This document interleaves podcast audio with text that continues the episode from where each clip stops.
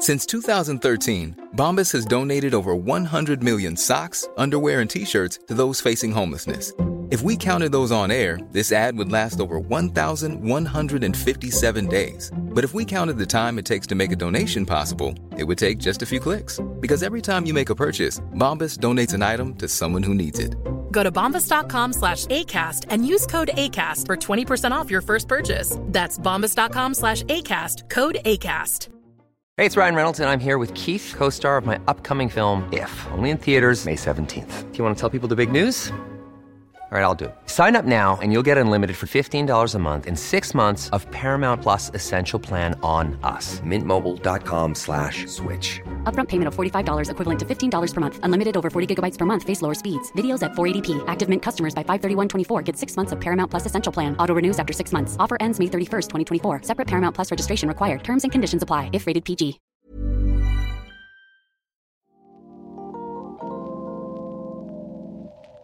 Det här är ett samtal med Björn Jonsson. Han är disputerad inom statsvetenskap och är professor i socialt arbete.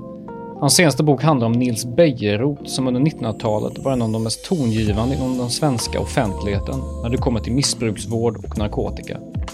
Jag talade med Björn om utsikterna i Sverige för legalisering av narkotika, hur vi skiljer oss från resten av Europa när det kommer till missbruksvård och om Sveriges unika vägval varit en framgång eller ett misslyckande.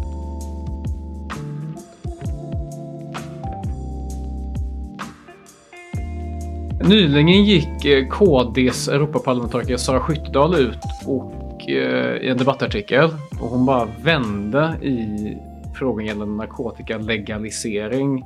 Jag tror till och med inte ens att det var bara avkriminalisering, det var så legalisering.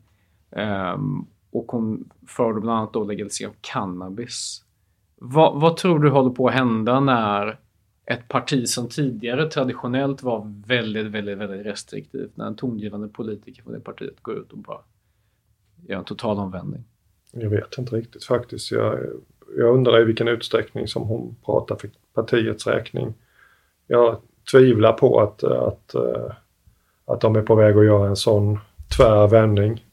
Eh, och det var ju också så att, jag menar hon, eh, som du säger, hon lyfter både frågan om att avkriminalisera bruk vilket ju handlar om den liksom legala statusen för de som använder. Och att legalisera cannabis, vilket då handlar om att göra en drog lagligt tillgänglig istället för försäljning. Så det är två väldigt olika policies. Och från forskarhåll så är det ju väldigt många som är förespråkare för avkriminaliseringslösningar och betydligt färre, om bara ett litet fåtal liksom, som förespråkar legaliseringslösningar. Så att det var ju, hon blandar och ger. Kan, kan, du, kan du reda ut lite just distinktionen? För att jag tror inte alla har koll på den mellan mm. avkriminalisering av bruk då, och legalisering. Ja, ja, det är ju en viktig distinktion och jag, den har ju blivit medvetet missförstådd i den svenska debatten. Bland annat från Morgan Johanssons sida som han tar ju liksom alltid chansen att nämna de här två begreppen samtidigt som om det vore samma sak. Men avkriminalisering det handlar ju om den status som själva användningen av en illegal drog har. Om det ska vara ett brott eller om otillåtet bruk ska hanteras på något annat sätt. Och i Sverige hade vi ju fram till 1988 när bruk kriminaliserades så hade vi faktiskt ingen, inget straff när det gällde själva användningen. Vad hände då?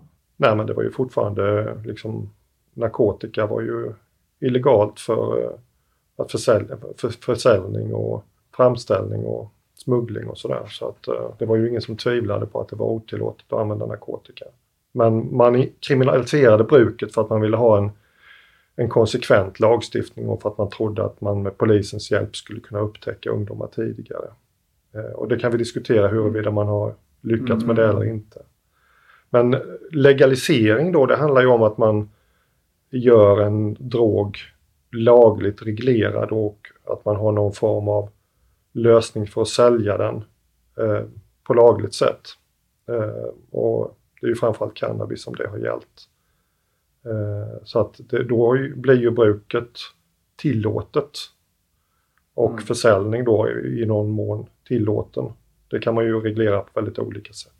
Men vad tror du att, alltså även om vi inte går in på, på just hur det inre livet i Kristdemokraterna eller hur Sara Skyttedal tänker. Mm. Men tror du det är ett tecken i tiden att ehm, en politiker från ett parti som tidigare haft en väldigt restriktiv hållning. Man kan väl tänka sig att i Sverige så har Vänsterpartiet och kanske i viss mån Centerpartiet och Liberalerna stått för en lite mer vad ska man säga, mindre restriktiv linje. Man har kanske mer vårdfokus och så vidare. Medan övriga partier har varit rätt hårt liksom, för Ja. en, att det ska vara restriktivt. Så är det ju och det känns ju som att det är någon slags svängning på gång i vänstern. Eh, Nooshi Dadgostar har ju sedan hon tillträdde eh, förespråkat en betydligt hårdare linje när det gäller bruk av narkotika än vad, än vad man har gjort i det partiet tidigare. Men på ett sätt förvå- förvånade man inte att, att eh, partier på, till höger svänger om i de här frågorna för ungdomsförbunden har ju gjort det länge när det gäller eh, Liberalerna och eh, det finns mycket sådana in, liksom uppfattningar inom Moderaterna också och eh, i Centern förstås.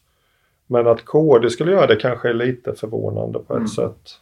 Eh, samtidigt så, jag har väl alltid trott att, att det är större sannolikhet att det är borgerliga partier som kommer att börja förändra kontrollpolitiken i Sverige än att socialdemokratiska regeringen skulle göra det. Så det är mer känsligt för Socialdemokraterna. De, eh, som jag har tolkat det så har Morgan Johansson Dels har han försökt positionera sig så att han absolut inte ska göra sig ovan med polisen. Och sen eh, så har han inte velat öppna upp för kritik i rättspolitiska frågor från höger då. Men högern kan göra detta på ett helt annat sätt eh, utan att riskera motsvarande eh, kritik. Och om vi tittar på det norska avkriminaliseringsförslaget som ju var för några år sedan då och som föll. Det var Fremskrittspartiet och Höjre. Ja, det drevs ju av, av då en borgerlig regeringskoalition. Eh, och skälet till att det föll i slutändan var att Arbeiderpartiet hoppade av. Eh, så att det förvånar mig faktiskt inte att, eh, att det är ett borgerligt parti som, eh, som lyfter detta eller en, en företrädare för ett borgerligt parti. Mm, Vi vet ju mm, inte hur, mm. hur stor förankring det här har i Kristdemokraterna. Ja. Men tror, tror du det att man tar intryck av... Runt om i världen så har man ju börjat både avkriminalisera och i vissa fall både avkriminalisera och sen därpå legalisera. Vi har ju Kanada 2018 som legaliserade cannabis under, under stor liksom eh, med fanfarer och allting. Eh, Det var ju Justin Trudeau Ja. som, som drev fram det. Och Europa har du Portugal exempelvis och Tjeckien Men nu, har... nu kopplar du det till avkriminalisering. Mm. Att man, det är ju ofta inte så det har varit utan det är ju de länder som har avkriminaliserat har inte drivit legaliseringsreformer. Utan det som har föregått legaliseringen det är ju en legalisering av medicinsk cannabis och sen har man valt att även Okej. legalisera en rekreationell användning. Så, eh, om det är någon typ av policy som föregår legalisering av cannabis då är det en mer lättillgänglig medicinsk cannabisanvändning. Eh, så att man ska nog inte blanda ihop dem. Nu, vad var din fråga? Tror du man tagit intryck av hur man gör i andra länder mer? För att tidigare var Sverige rätt mycket en, lite av en solitär. Alltså vi, Mm. Ja. hade, vi hade den här, kanske inte det enda landet, men en, liksom en, en, en nolltolerans, en nollvision. Man skulle liksom få ner allting till, till noll. Det var liksom den, den uttalade tanken. Medan man rätt långt tillbaka i tiden har börjat experimentera med att okej, men vi kanske måste acceptera en viss mån av det kommer existera missbruk. Hur ska vi hantera det givet att det finns och att det finns också ett rekreationsanvändning? Ja. Liksom att vallen har fallit Alltså ner. den svenska nolltoleranspolitiken som fick sitt stora genombrott under 80-talet och som man kan säga fullbordades med eh, att man införde fängelse i straffskalan för eget bruk 1993. Den modellen har ju internationellt inte haft någon särskilt stark ställning och när svenskar kom ner till EU, när Sverige blev medlemsland i EU, så trodde man ju att man skulle kunna sprida den svenska narkotikapolitiken där. Och det, det, man blev ju eh, nog en smula förvånad över hur eh, respektlöst man blev bemött. Och, ja, EU-länder var inte intresserade av den svenska modellen helt enkelt. Eh, och efter det så har det ju skett en omprövning kan man säga och den omprövningen har ju mycket varit en följd av ökande narkotikadödlighet och ökande narkotikamissbruk i Sverige. Men framförallt har den här omprövningen skett när det gäller vårdområdet. Att vi har eh, infört skadebegränsande insatser i mycket större utsträckning, medicinska insatser, medicinsk behandling. Kan du bara snabbt definiera skadebegränsande insatser? Skadebegränsande insatser, det är insatser som riktar sig till personer som är aktiva droganvändare där det inte finns något krav på att man ska upphöra med droganvändningen och som syftar till att man ska kunna skydda sig mot olika typer av skador och negativa konsekvenser av bruket. Till exempel att man delar ut rena sprutor och kanyler för att man ska kunna skydda sig mot eh, blodsmittor och infektioner. Eller att man eh, delar ut eh, metadon eller buprenorfin utan krav på rehabilitering eller drogfrihet, missbruksfrihet. Det finns ju också mer kontroversiella insatser som att man har eh, eh, säkra drogkonsumtionsrum där man kan komma och ta sina medhavda droger eh, under medicinsk övervakning eller att man delar ut eh, heroinförskrivningsprogram. Och, och det här har ju varit kontroversiellt inom narkotikapolitiken. Samtidigt är det ju huvudlinjen när det gäller alkoholpolitiken i Sverige. Den svenska alkoholpolitiken är till sin natur skadebegränsande. Kan du ge ett exempel på hur det yttrar sig? I Sverige? Mm. Ja, alltså, vi har ju inte en, en politik som syftar till att man ska eh, liksom, att, att alkohol inte ska kunna användas utan den syftar till att de som använder alkohol ska kunna göra det under så säkra former som möjligt. Vi har utskänkningstillstånd och åldersgränser och eh, lördags, ja nu har vi ju lördagsöppet, men söndagsstängt på Systembolaget och begränsade öppettider. Den typen av eh, regleringar syftar ju till att, att minska skadorna och minska eh, missbruket men inte hindra folk från att dricka. Och behandling på alkoholområdet har ju också ofta den innebörden att man kan säga att den kan syfta till kontrollerat drickande eller att man ska kunna dricka mindre skador, med mindre skador tidigare så hade man ju den här alltså, diskussionen i Sverige om Främst tror jag att, att narkotikapolitiksdiskussion kretsade kring skadorna. Liksom. Vad, vad är klokast? Ska man vara restriktiv? Ska man... Alltså ett motargument mot de här skadereducerande argumenten var att ja, men man ska inte acceptera att folk är missbrukare. Alltså det, det skickar en signal som är fel. fel signaler till, eh, till samhället. Ja, ja men precis. Ja, alltså att det, det, är en sorts moralsignalerande att säga okej, okay, ger, ger vi dig en, en spruta då har vi accepterat att du är eh, missbrukare. Mitt intryck är att det argumentet fanns fortfarande för tio år sedan mm. i Sverige. Det har försvunnit ja, rätt mycket. Det, det har försvunnit eh, nästan helt. Man hör inte det längre. Vad tror du det beror på? Som jag ser det så är ju det där faktiskt ett empiriskt argument. Det säger att den här typen av insatser kommer att skicka felaktiga signaler. Eh, och det går ju att undersöka om det är på det sättet. Och jag, det har man väl kanske inte undersökt men jag uppfattar det som att ingen längre tror att förekomsten av sprutbytesprogram får folk, folk att börja injicera. Eller att det skulle liksom göra injicerande droganvändning mer attraktivt för, för, för ungdomar eller för gemene man. Utan att man har insett att det här är insatser som riktar sig till en väldigt specifik grupp som redan har den här typen av problem. Ehm, så jag tror helt enkelt att man har, när den här typen av insatser har etablerats, så har man sett hur de fungerar och man har sett att de här farhågorna man hade var överdrivna.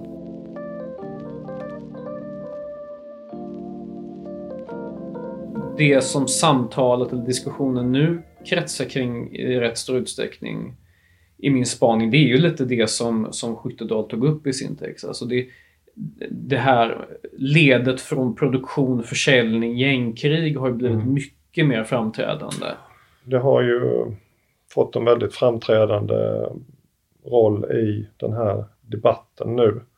Och jag har väl tänkt att det här kan leda till någon slags backlash på narkotikaområdet, att det kan leda till en den gamla nolltoleranspolitiken får någon slags renässans egentligen. För det har ju lyfts fram på det sättet. När Stefan Löfven lyfte detta så pratade han om att det var droganvändning bland eh, ungdomar i rika stadsdelar som orsakade skjutningar i fattiga stadsdelar. Mm. Och eh, även Nooshi Dadgostar har ju haft den, det perspektivet i sin retorik. Jag tycker att det är ett felaktigt perspektiv men, men det kan ju påverka debatten ganska mycket ändå. Nu tror jag kanske inte att det riktigt har gjort det som, som jag befarade utan att det, ja, det är andra frågor som dominerar diskussionen mm. om, om, om gängbrottsligheten.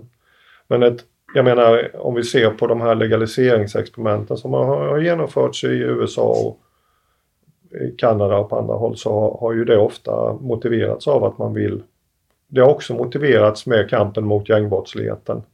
Så att man kan ju landa i väldigt olika policyslutsatser med samma problem. Det tycks som det finns två stycken positioner. Alltså dels de som säger att ja, men bara vi legaliserar då mm. och gör produktionen vit, beskattningsbar, kontrollerad. Så det primära argumentet är då att ja, men då får vi bort eh, den inkomsten från gängen och då kan ja. vi undvika gängkrigen som plågar både Stockholm, Malmö och Göteborg väldigt mycket. Mm.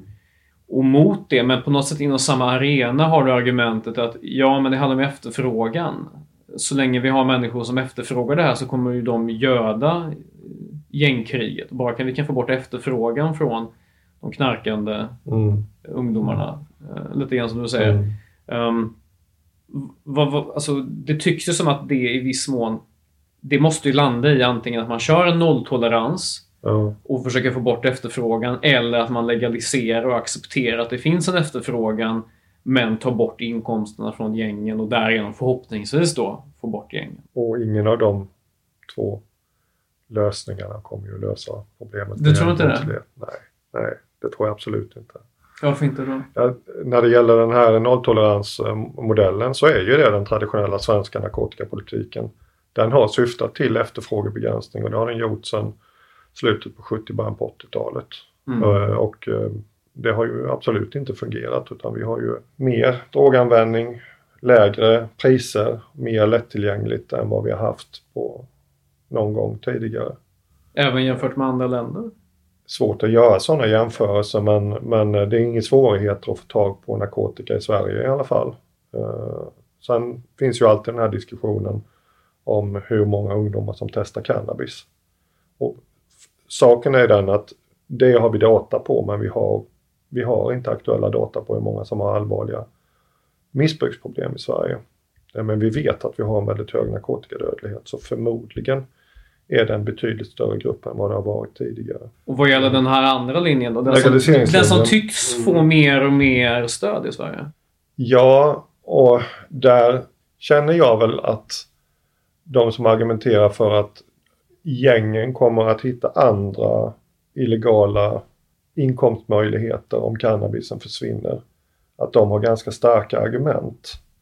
Sen kan man diskutera hur det kommer se ut, om de kommer att satsa i större utsträckning på andra illegala droger. Om de kommer att satsa i större utsträckning på eh, spel, prostitution, eh, beskyddarverksamhet. Men det finns ju väldigt mycket verksamheter redan idag som den organiserade brottsligheten ägnar sig åt i Sverige. Det som är det starkaste argumentet här är att för de som då tycker att legalisering kan vara en lösning, eh, det är ju att cannabisförsäljning, småskalig cannabisförsäljning är ofta det som man först kommer i kontakt med som ung när man börjar dras in i den här typen av brottslighet. Då är det som ja, småskalig försäljare eller distributör av cannabis. Eh, så att skulle man kunna få bort cannabismarknaden eh, från gängen så kanske man skulle kunna försvåra nyrekryteringen av ungdomar. Möjligen. Och så gick de istället till en, eh, en svensk coffeeshop och köpte sin eh, svinstarka ganja från vad det nu kan vara. Ja. Kan, kan, du, kan du se det liksom en, en kanadensisk modell där du har de här odlarna och specialistbutiker eller är det liksom ett svenskt cannabis-systembolag? Kan tänka? Jag, jag, jag, ser inte detta framför mig i närtid faktiskt och skälet till det är att vi har fortfarande så pass lågt bruk av cannabis i Sverige. Ibland bland svenskar i allmänhet. Eh, det som är gemensamt för de länder som har valt legaliseringsvägen det är ju att de har ett omfattande bruk redan innan de legaliserar. Vilket är en indikation på att förbudspolitiken har förlorat sin legitimitet. Och det är väl kanske också det som är huvudförklaringen till att bruket inte har ökat så förfärligt mycket efter legaliseringarna. Att det har redan varit så omfattande innan. Och där är vi inte än i Sverige så därför tror jag att, att det här är eh, oavsett vad Sara Skyttedal skriver så kommer, så kommer det här att dröja innan allvarliga krav på mm. legalisering kommer i Sverige. Svenskar måste börja använda cannabis mer först. Okej, okay. sagt av professorn.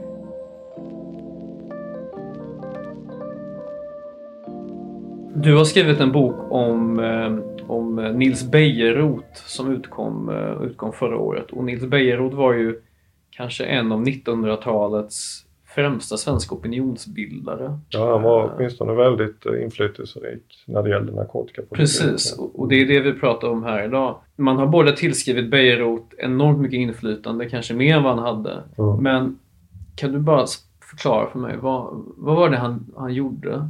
Eh, och vad, var hans linje?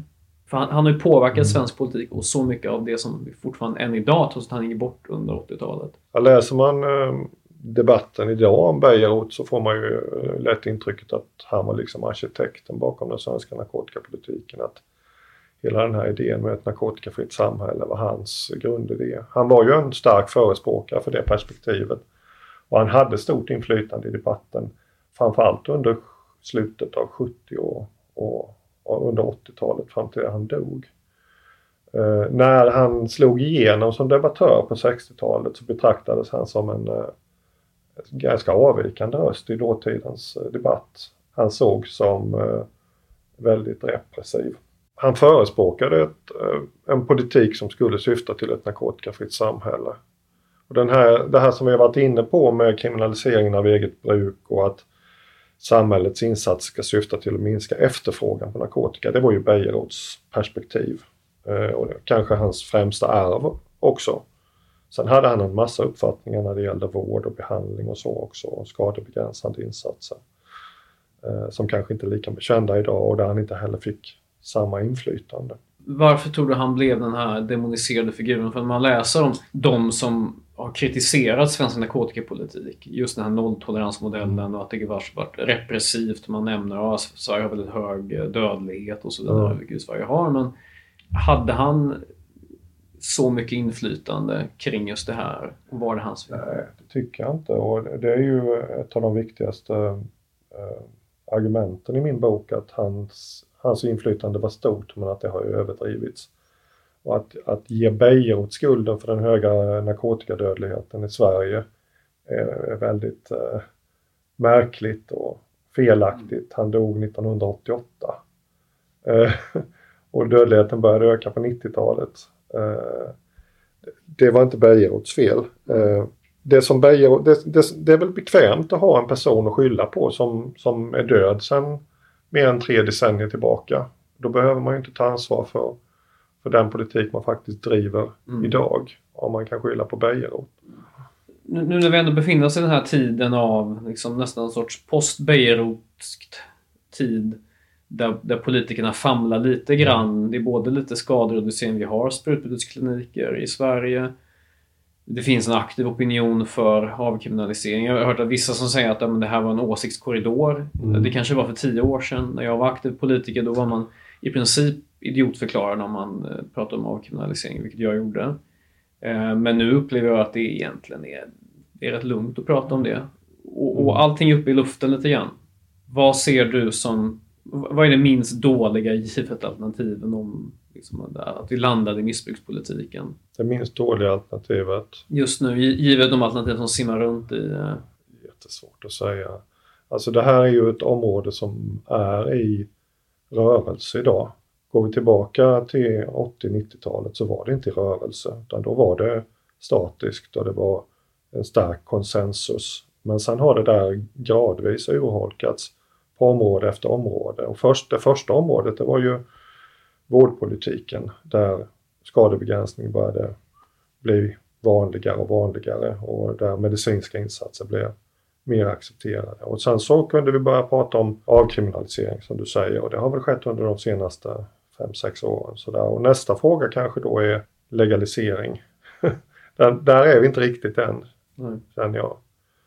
Men eh, min gamla kollega och vän Bengt Svensson som är professor i socialt arbete, han brukar säga att alla narkotikapolitiska lösningar har för och nackdelar och att det finns liksom ingen perfekt narkotikapolitik. Mm. Eh, och det tror inte jag heller att det gör. Utan det, det är för och nackdelar med insatser och det påverkar också väldigt mycket hur insatser utformas och vad man gör. Att säga att metadonbehandling, LAR som det brukar kallas idag, att det, det är en bra behandling, ja det är det. Men hur bra den är påverkas väldigt mycket av hur det genomförs, hur lättillgängligt det är, vilken policy man har i behandlingen.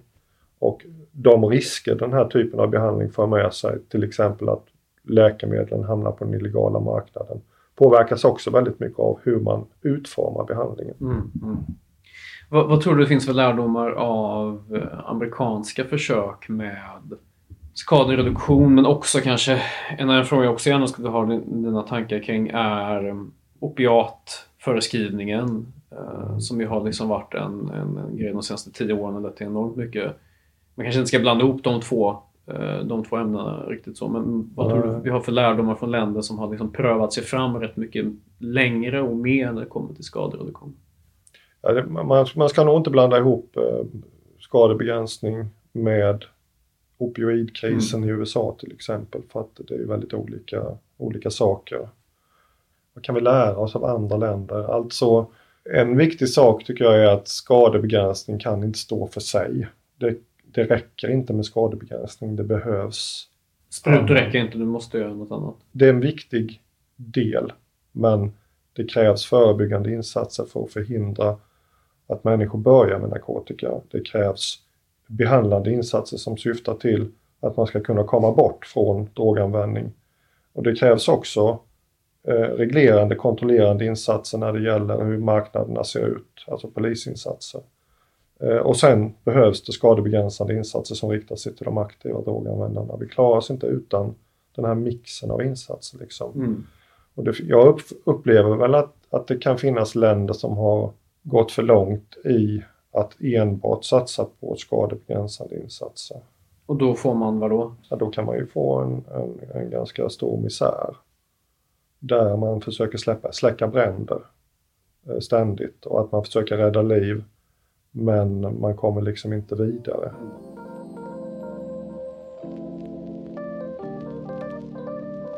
För, jag tror det kanske var 10, 15 år sedan, många år sedan, så läste jag en bok som gjorde väldigt stort intryck på mig som heter Samhället i narkotikan. Av mm. en, Goldberg. Precis. Och den satte sig i mitt minne för att hans huvudtes var att det finns i själva titeln. Titeln beskriver hela tesen. Samhället i narkotikan. Att det är inte substanserna i sig som gör skadan. Utan det är människan och vad människan får med sig in i de sociala omständigheterna. Mm. Och att så länge vi har fokus på... Jag tror inte han egentligen brydde sig så mycket om hur någonting var legaliserat eller inte. Eller så Han trodde väl att kriminalisering förvärrade det för missbrukarna. För de var ofta personer som redan var ansåg sig själva mm. vara, vara hemska och värdelösa och varför skulle jag förtjäna någonting? Och de nästan straffade sig själva. Mm. Mm. Och han menar att man måste söka orsakerna till drogepidemier i samhället. Varför hamnar folk där? Han har ju ett väldigt uh, utpräglat stämplingsteoretiskt perspektiv där han menar att det är olika typer av samhällelig stämpling som, mm. som utgör grunden för att man får ett problematiskt bruk av narkotika. Och han gör ju en en väldigt viktig distinktion just mellan problematiskt bruk då, alltså en användning som skapar problem för, för den som använder ja. och ett rekreationellt bruk. Och den där distinktionen är ju, den tycker jag är viktig och den har ju inte accepterats i Sverige heller där allt bruk av narkotika har setts som missbruk och som mm. per definition problematiskt.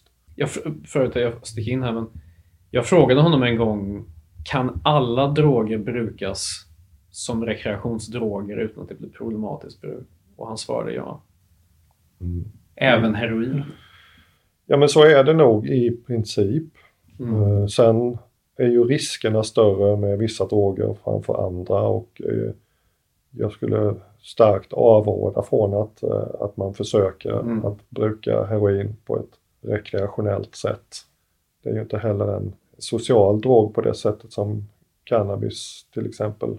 Eh, men i princip så har han eh, rätt i det, att eh, alla droger kan brukas rekreationellt. Vi vet ju från forskningen och inte bara från det här stämplingsteoretiska perspektivet som TED har då utan från en mängd olika forskning inom olika områden så vet vi ju vilken typ av riskfaktorer det är som, som, som, som är betydelsefulla när det gäller risken att utveckla ett problematiskt bruk och då handlar det om sånt som ärftliga genetiska faktorer. Det handlar om eh, psykisk ohälsa. Det handlar om eh, neuropsykiatrisk problematik som är en stark riskfaktor. Det handlar om eh, att misslyckas i skolan. Eh, omsorgsbrister i familjen.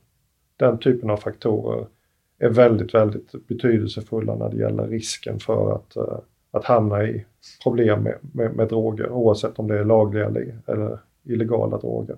Sen är det ju inte, jag menar, för att man inte har den typen av riskfaktorer så är det ju inte omöjligt att hamna i bekymmer ändå.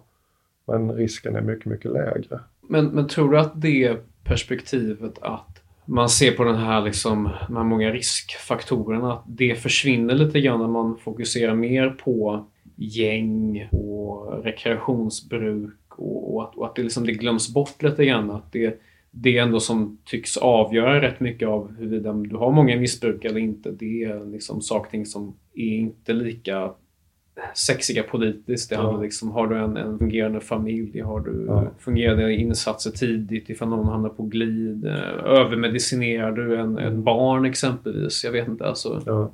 Nej, men det, nu frågar du ju en professor socialt arbete här och så säger han att, eh, att man måste sätta in ti- tidiga Ja, och förebyggande insatser. Det är ju lite klyschigt nästan men det, Det det, är är det. på det sättet att eh, vill man förebygga den här typen av problem så kan man inte vänta tills de redan har, alltså vill man minska den här typen av problem i samhället så måste man ju försöka för, förebygga att de uppkommer.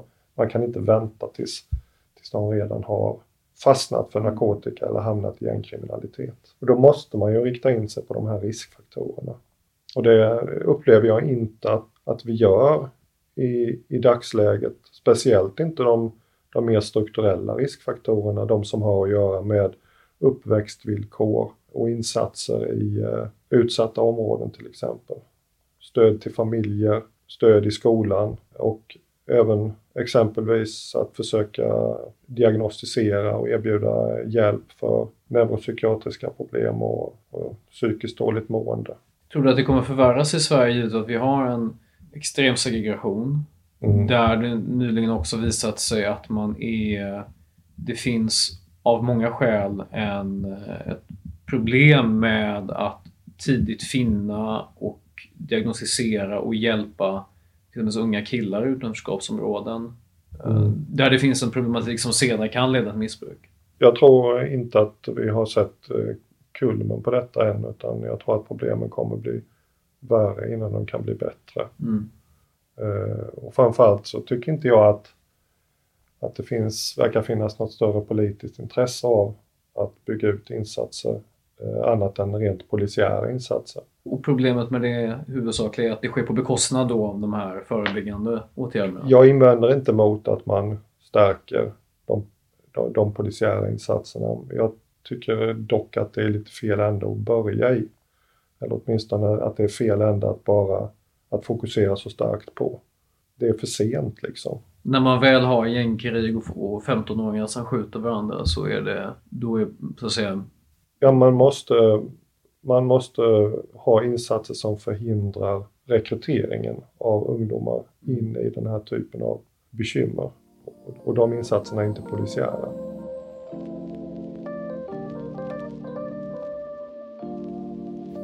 du har lång erfarenhet i de här frågorna och har forskat i det, studerat det och, och kunnat följa politiker som kommer och går. Du har även studerat hur det var på 60, 70, 80-talet också med, med, narkotikapolitiken då. Givet hur det är nu, vad gör dig mest optimistisk? När det kommer till specifikt, kommer Ja, till... när det kommer till narkotikapolitiken så tycker jag ju ändå att eh, inställningen idag är mycket mer vetenskapligt grundad. Eh, man har inte den här föraktet för vetenskaplig kunskap som har präglat politiken tidigare och eh, det finns en öppenhet för att det krävs insatser på olika nivåer och av olika slag i narkotikapolitiken. Bristen då är att vi vet väldigt lite av vad som är effektivt förebyggande. Vi vet hur riskfaktorerna ser ut men vi vet inte riktigt hur vi ska göra. Eh, mitt fokus i, i min forskning har ju mycket varit på de som redan har utvecklat allvarliga problem och hur ska man hjälpa dem på bästa sätt med behandlingsinsatser och skadebegränsande insatser. Och där tycker jag att det har skett stora förbättringar på senare år. Och om man vänder på det, vad ger dig mest skäl att vara pessimistisk då? Ja, men det är ju alltså den här negativa utvecklingen när det gäller utanförskap, om man kallar det för det. Och segregation, både i bostadsområden och i skolor. Och de brister som finns inom både socialtjänst och, och psykiatri, barn och ungdomspsykiatri. Som talar för att, att de här problemen kan, förmodligen kommer att öka i framtiden. Och avslutningsvis, om du skulle gissa vilket år legaliserar Sverige cannabis och vilken regering är det som gör det? Oj då. Det här är inte forskning. Nej, jag vill ändå ha din... det, om jag ska gissa. Om jag ska gissa så sker det inte inom den kommande tioårsperioden. Och eh, förmodligen är det en eh, borgerlig eller blocköverskridande regering som, eh, som gör detta. Okej. Okay. Vi säger 2032 då. ja, vi får se. Återvända till frågan då. Det får vi göra. Björn, tack så mycket för det här samtalet. Mm, tack.